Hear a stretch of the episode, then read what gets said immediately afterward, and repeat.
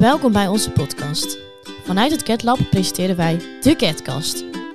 Wij zijn vier studenten van de opleiding Social Work uit Zuid-Bos. Elke twee weken zullen wij een nieuwe podcast uploaden. In een open gesprek bespreken wij interessante en actuele onderwerpen. Wij hopen dat jullie van onze gezellige en leerzame podcast gaan genieten. Veel luisterplezier! Hallo lieve luisteraars, welkom bij weer een podcast. Nou, Anouk hier en ik ben samen deze keer met Demi. Nou Demi, hoe gaat het nou eens een keer met jou? Ja, goed hoor, met jou? Ja, goed. We kunnen gelukkig weer eens wat. We zijn weer op school en uh, we kunnen weer gewoon lekker naar buiten. Uh, ja, we hebben vandaag weer een gast, uh, Brian. Welkom. Dankjewel, fijn dat ik hier mag zijn. Ja, we vinden het ook heel leuk dat jij hier bent. En jij gaat ons iets over Borderline vertellen. Klopt, ik ga een poging doen. Nou, gelukkig, dankjewel. Um, maar we gaan eerst beginnen met het actueel nieuwsfeitje. Nou, uh, Demi, jij had een uh, nieuwtje op het nieuws gelezen. Vertel eens wat erover. Ja, nou, iedereen heeft het denk ik onderhand al wel gehoord, maar uh, het gebeuren bij The Voice, ik denk dat jij het ook wel hebt gezien. Ja, ik heb iets voorbij zien komen, inderdaad. Nou, voor de mensen die het nog niet weten, er is een aflevering geweest van Boos. Tim Hofman heeft daarin eigenlijk The Voice een soort exposed dat er ehm, ja, seksuele dingen zijn gebeurd door de bandleider. En zou ook door Ali B zijn geweest. de uitzendingen zijn nu ook tijdelijk gestopt door de meldingen die er zijn geweest. En de beschuldigingen die um, gingen dus over Jeroen Rietbergen. En hij heeft het ook uh, bekend dat hij dit heeft gedaan. Nou, Linda die heeft onderhand ook al um, het uitgemaakt met hem. Begrijpelijk, zou ik zeggen. Ja. Uh, er is één aangifte geweest tegen Ali B. Dus dit wordt nog vooral onderzocht, omdat het dus nog niet zeker is of dit is gebeurd. Hij ontkent alles en is er zeker van dat er nooit iets is gebeurd. En hij heeft nog uh, geen oproep gehad van de politie, maar hij heeft wel gezegd dat hij uh, zeker gaat meewerken met alles. Oh, dat is wel fijn inderdaad. Ja, en het is ook vrijwel zeker dat er naast Rietberg en Ali B meer mensen van het programma beschuldigd zijn van seksueel overschrijdend gedrag. Ja. Ja, want um, Anouk zag ik ook dat hij de Voice heeft verlaten. Want zij ja, is natuurlijk klopt. wel echt uh, daar zeer op tegen. Ook wel Ja. echt een feministische vrouw. Uh, ja, begrijpelijk denk ik. Want ik zou ook daar niet geassocieerd mee willen worden. En vooral niet als er meerdere mensen betrokken bij zijn. Nee, inderdaad, daarom. En Ja, we- Rietber- oh, sorry. ja, we hebben natuurlijk ook een podcast gemaakt over seksuele intimidatie. En ik vond het er eigenlijk ook wel bij passen. Want ja, wat vind jij er eigenlijk van? The Voice is zo'n supergroot programma. Ja, wa- wat is jouw mening hierover? Nou, ik had het sowieso nooit aanzien komen eigenlijk. En ik vind het natuurlijk ook echt niet kunnen. Het is ook een programma wat... eh, nou, het aanhangende programma gaat dan met kinderen. Dan dat vind ik ook eh, wel heftig dat het dan eh, is gebeurd. Ja, klopt. En volgens mij is Jeroen Rietvelde, hè, de man van, of de ex dan van Linda de Mol. Ik weet niet of hij ook bij die kinderen zit. En je hebt natuurlijk ook de oudere voice. Ja. Ja, ik- en Ali B, dat zie je al helemaal niet voor hem. Ali B is de knuffel Marokkaan, staat hij bekend om. En hij is super vrolijk en hij maakt altijd grapjes tijdens het programma. Maar ja, je zag ook de aanklacht tegen Marco Borsato. Hè. Je weet natuurlijk ook niet wat echt is, wat nep is. Marco Borsato zie ik dat ook totaal niet voor aan. Dus ja, je weet natuurlijk nooit wat er eh, allemaal in mensen hun hoofd omgaat natuurlijk. ja, maar dat is ook een beetje de showbiz natuurlijk. En het zou ook kunnen zijn voorkomen. Want Rietberg die heeft een aantal jaar geleden al... eh, is die streng aangesproken geweest door zijn werkgever... en is die in therapie gegaan door seksueel overschrijdend gedrag... wat hij toen al had getoond tijdens de show. Dus als ze, nou ja, als ze hem toen al hadden ontslagen... dan zou dit nooit hoeven zijn gebeurd. Nee, inderdaad. Nou, Brian, misschien kunnen we jouw mening ook vragen over dit eh, onderwerp. Wat vind jij hiervan? Nou, dat eh, mag zeker. Ik, ehm, ja, ik vind het verschrikkelijk om dit soort dingen te horen. Echt omdat, eh, nou ja, zeker in zo'n wereld kan je heel makkelijk gebruik maken van mensen. Met, met de rol die jij hebt. Je bent een, iemand van aanzien. En dan op die manier, ja, met dit soort aanklachten. Ik vind het echt verschrikkelijk. Absoluut. Ja, dat is vooral de machtsmisbruik die er dan eh, heerst. Ja, en ook echt ehm, eh, voor je eigen belang eh, dat je anderen schaadt. Ik vind dat, eh, ik vind dat niet kunnen. Nee. Ja, klopt. Maar ik denk ook dat het voor hun heel vervelend is. Want ja, ondanks je machtspositie, je bent wel beroemd. En nu ook voor Linda, maar ook voor haar familie, voor de mensen erbuiten. Het hele programma, voor de mensen die überhaupt gewoon meedoen. Alles gaat nu ja, echt kapot eraan, zeg maar. En het is echt exploded. Maar ja, Ja, dus echt voor de mensen die daar inderdaad verder ja, niet veel van, van doen Ja. hebben. Zo'n Anouk, ja, het is eh, ja Glennis, die zat er net bij. ja, doodzonde. Ja, ik vind het ook echt eh, jammer. Maar we gaan eh, de roddels en eh, de aflevering van Boos, want dat is net voordat wij de podcast hebben opgenomen, zien. Dus eh, misschien kunnen we de volgende keer erop terugkomen. Ja, precies. Ik ben benieuwd eh, wat eruit komt. Ik ook. Nou, dan gaan we naar het thema van de week. Ehm, nou, Brian, wil je misschien iets kort over jezelf vertellen? Eh, dat wil ik doen. Mijn naam is Brian Abes. Ik ben eh, 24 jaar oud en ehm, nou ja, jullie hebben mij uitgenodigd omdat ik een borderline persoonlijkheidsstoornis heb. Ehm, nou ja, waar ik ook met alle liefde over praat en het deel met jullie. En ja, voor de rest ja, studeer ik social work op de Avans. Ja, gezellig. Ook bij ons. Ja, ik vind het super gezellig. Twee klasgenootjes zitten hier ook, dus ik super leuk. Ja. ja, fijn. Uh, nou, we hebben een aantal vragen voor jou. En uh, Demi gaat jou de eerste vraag stellen. Ja, hoe is het nou eigenlijk voor jou om borderline te hebben? Belemmert het jou in het dagelijks leven, zoals bijvoorbeeld met school of met contacten met mensen? Um, nou ja, allereerst, uh, ja, ondertussen is borderline voor mij ja, vrij normaal geworden. Het is onderdeel van mij. Maar het is ook iets wat, ja, wat eigenlijk nooit echt wendt. En voor mezelf zou ik borderline dan ook omschrijven als um, nou ja, stabiel, onstabiel. Ik ben heel stabiel, onstabiel. En het voelt voor mij ook echt als een, ja, als een achtbaan waar je in zit met ehm, ja, veel extreme hoogte, maar ook uh, veel extreme diepte. Um, ja, en tegelijkertijd bochten, loopings en af en toe een stabiel stuk, waar je, eh, een rechtstuk, uh, waar je dan weer een keer rustig is. Um, nou ja, wanneer je ja, zeg maar een borderline persoonlijkheidsstoornis hebt, ja, dan, voel je, ja, dan voel je ook vaak niet in balans. ja, en dus, maar vaak ook erg instabiel. En ja, dat maakt ook dat je soms uh, in verschillende situaties ook erg ja, voor andere mensen ook vaak onvoorspelbaar kan reageren. Um, ja, van mezelf kan ik ook vertellen dat ik me heel snel uh, ook wel afgewezen voel.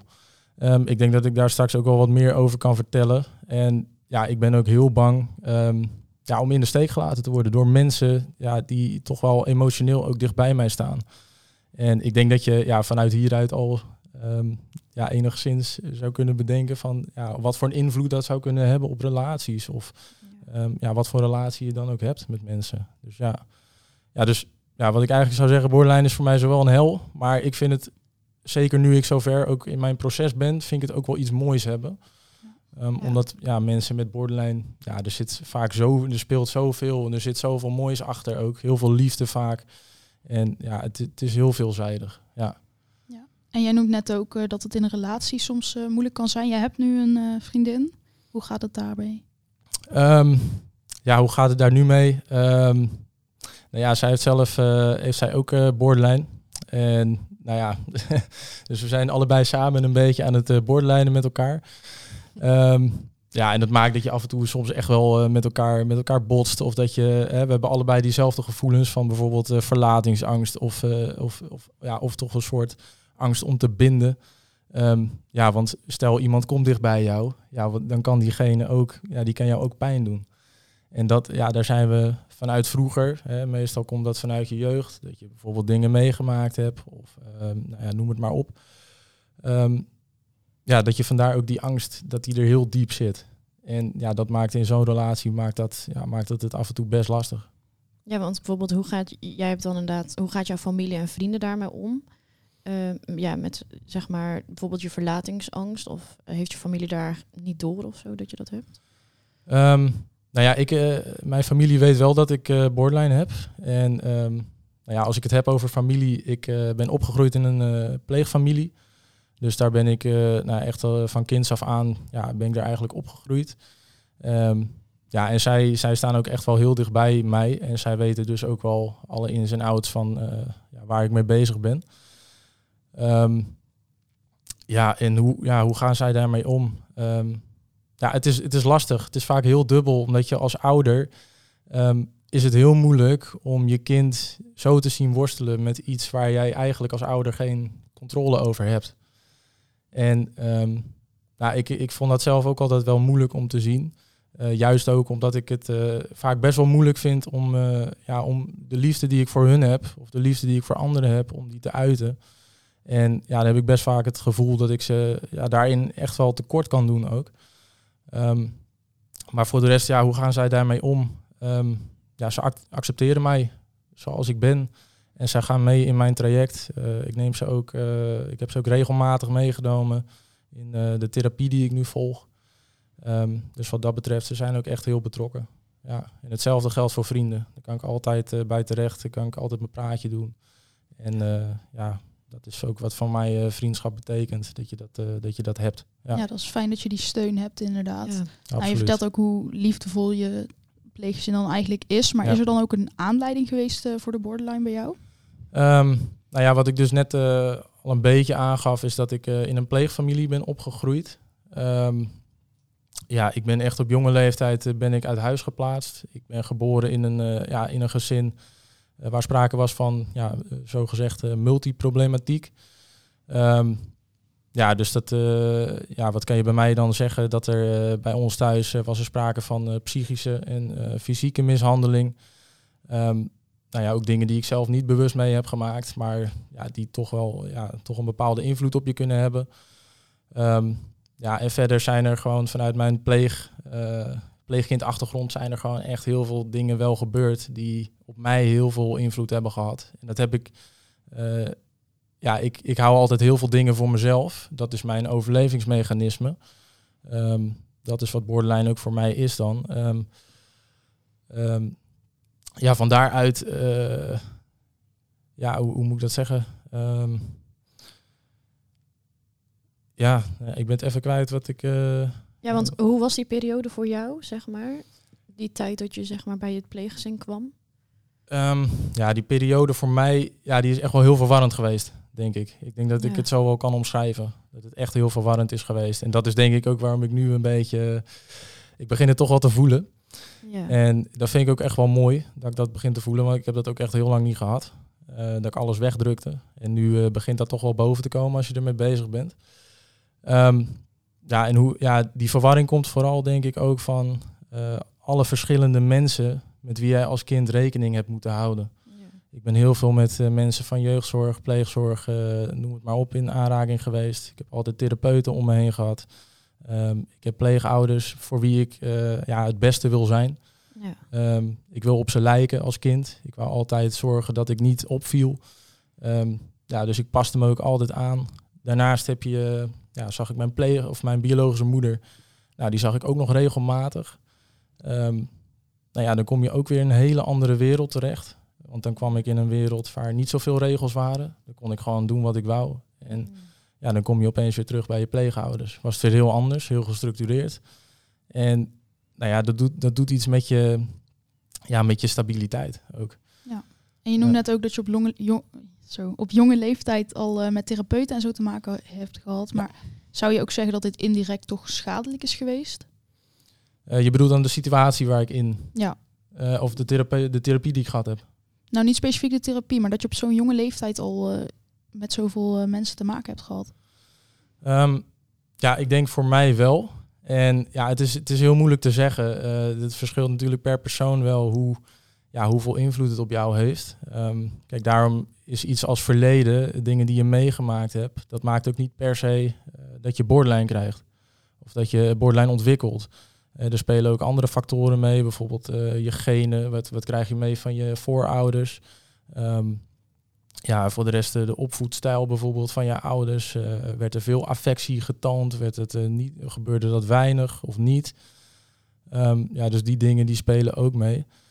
Ehm, maar ik denk wel dat, dat, het voor mij wel... Hè, ik wou ook gewoon kind zijn.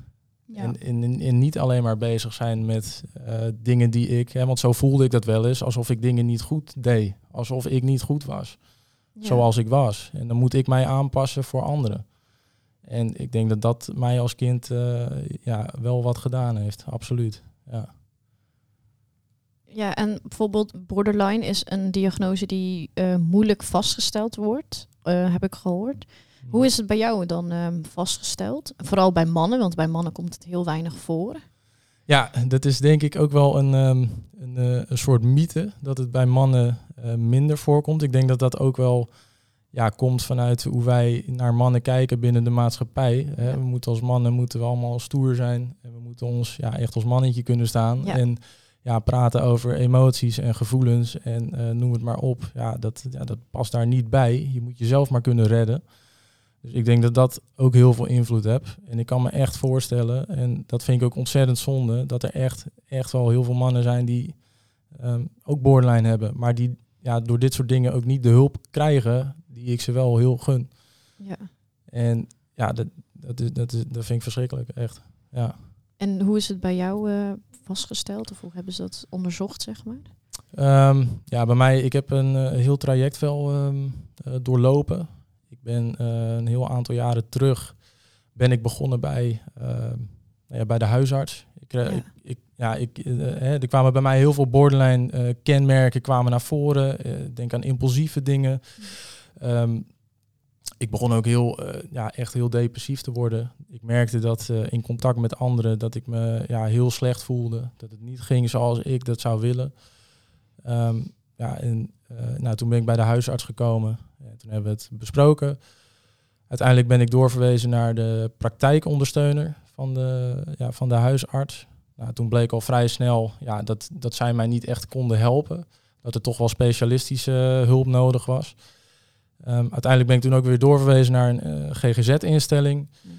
Ehm, en daar ben ik eigenlijk voor het eerst, eh, denk ik, in, ja, eh, werd mij voor het eerst zeg maar ehm, het idee geopperd dat ik misschien ook borderline zou kunnen hebben. Ja.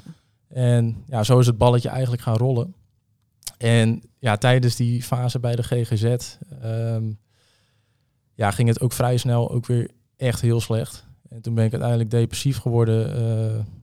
Toen zat ik echt op het diepste van wat ik eh, ooit heb meegemaakt. En ehm, ja, uiteindelijk ben ik ook bij een, eh, bij een IAT-team terechtgekomen. Dat staat voor Intensive Home Treatment. En dat is echt voor mensen die eh ja, suicidaal zijn, ehm, ja, die echt in nood zitten. En uiteindelijk heeft een van die mensen, die heeft mij ehm, ja, eh, doorverwezen eigenlijk naar eh, MBT-therapie. En dat is ook de therapie die ik, eh, die ik nu volg. En dat is hele intensieve eh, therapie, echt specifiek gericht op borderline. Hoe vaak eh, heb je die therapie? Ehm, ja, die therapie die heb ik eh, nu drie keer in de week. En ja, het bestaat uit verschillende soorten therapievormen. Je hebt systeemtherapie. En je systeem dat staat voor ja, omgeving, dus vrienden, familie. En die kan je dan meenemen. Ehm, en de bedoeling daarvan is dat je ja, met elkaar in gesprek gaat. En dat je ook kijkt bij elkaar van... ehm, nou, stel je hebt een situatie. De een die bekijkt het altijd weer anders dan de ander. En eh, waar mensen met borderline heel goed in zijn, eh, uit verdediging, is om een situatie te zien en automatisch er een gedachte bij te hebben en gelijk ook een oordeel. En dat was het. Verder hoeven we niet in gesprek. Ik heb gezien wat ik wou zien en eh, ik denk dat jij een gevaar voor mij bent en eh, we gaan het afsluiten. Terwijl, hè, dat is heel kort op de bocht. En wat je bij MBT dus ook leert, is dat je ehm, nou, gewoon je eigen gedachten, je eigen gevoelens, eh, dus ook intern echt, ja, leert begrijpen. En dat je ze ook leert uitspreken. En dat je tegelijkertijd ook ehm, ja, bij de ander gaat nadenken van ja, wat zou die dan voelen? Of waarom heeft diegene iets gezegd? En ehm, eh, ja, wat zou diegene daar nou echt mee bedoelen? Hè, misschien bedoelt hij helemaal niks eh, vervelends. Of misschien bedoelt hij helemaal, eh, hè, misschien zit ik er helemaal naast. Ja. En ja, dat zijn echt de dingen waar je dan mee bezig bent tijdens de MBT-therapie. En nou ja, met een mooi woord heet dat, wat ik nu omschrijf, mentaliseren. En daar staat die therapie ook voor, mentalization-based treatment. En wat doet die therapie voor jouzelf? Ehm, nou, die therapie zelf, die geeft mij, ik denk eh, allereerst ook heel veel vertrouwen in mezelf. Heel veel vertrouwen en ehm, ook echt een stuk mildheid naar mezelf toe. Dat het eh, niet gek is dat ik bepaalde patronen vertoon. Dat het niet gek is ehm, ja, dat ik dingen op een bepaalde manier doe.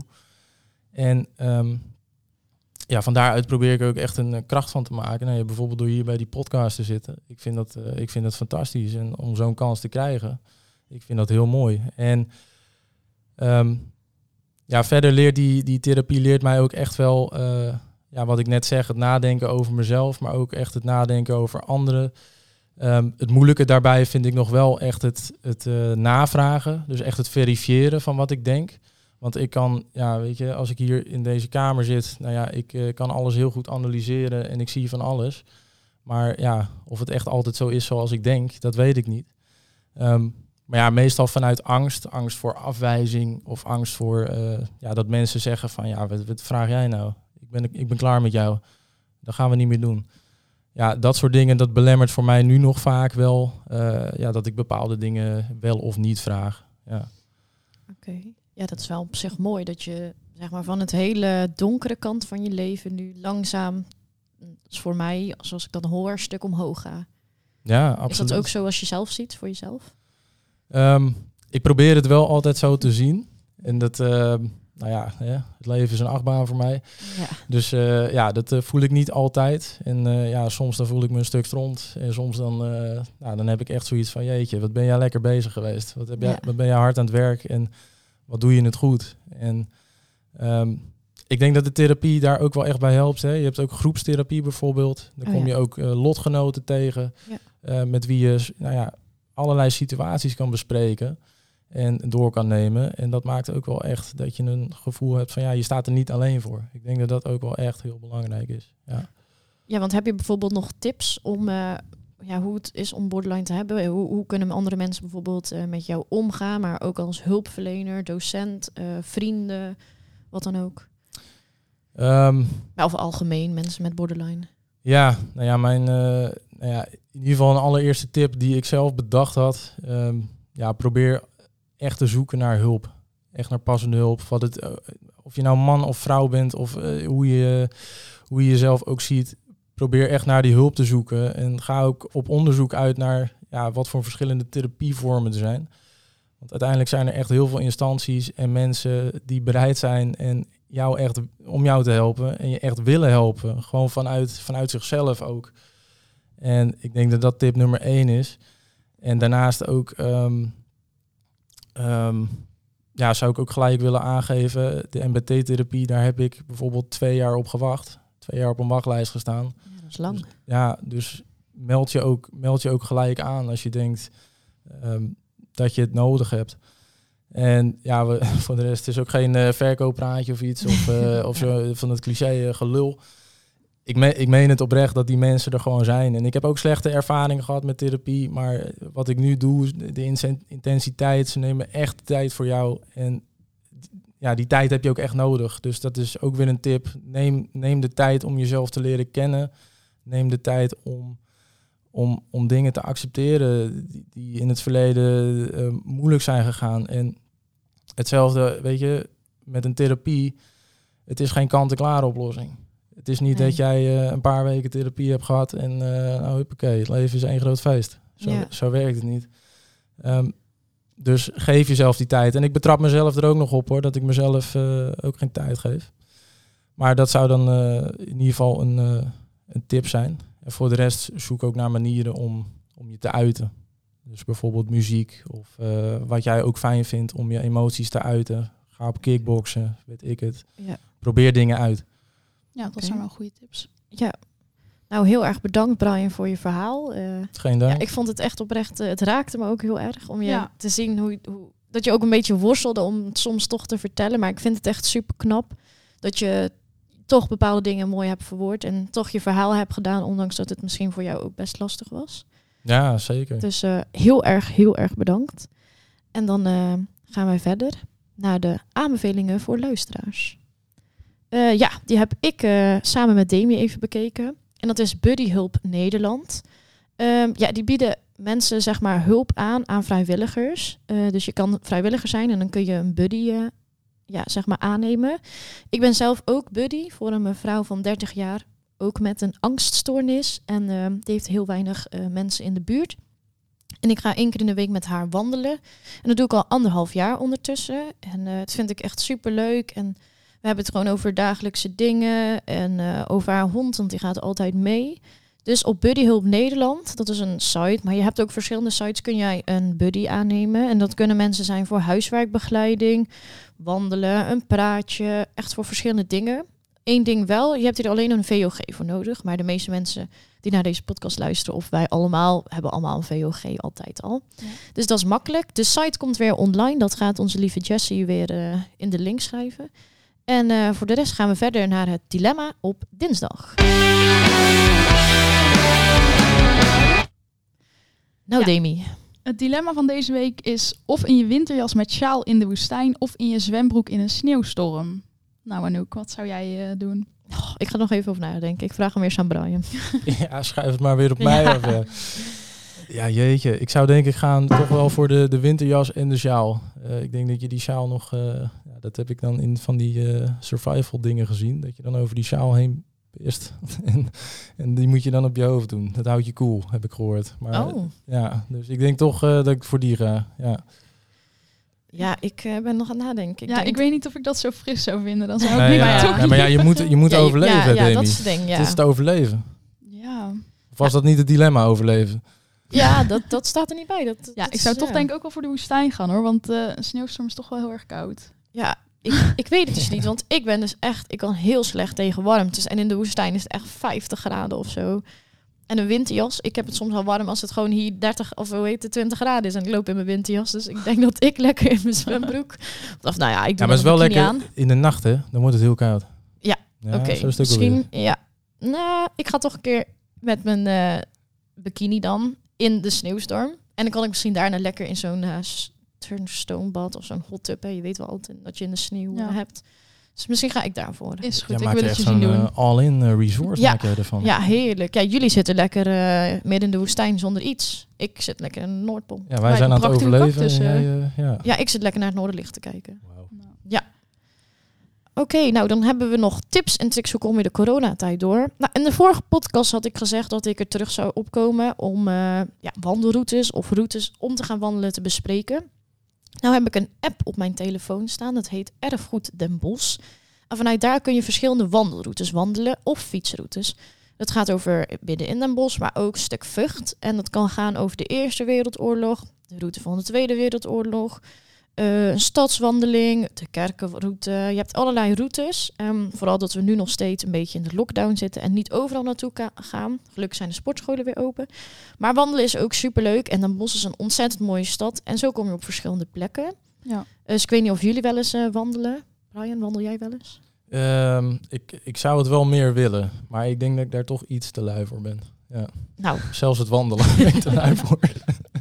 en uh, Demi? Ja, ik eh, probeer het wel regelmatig te doen, eh, inderdaad.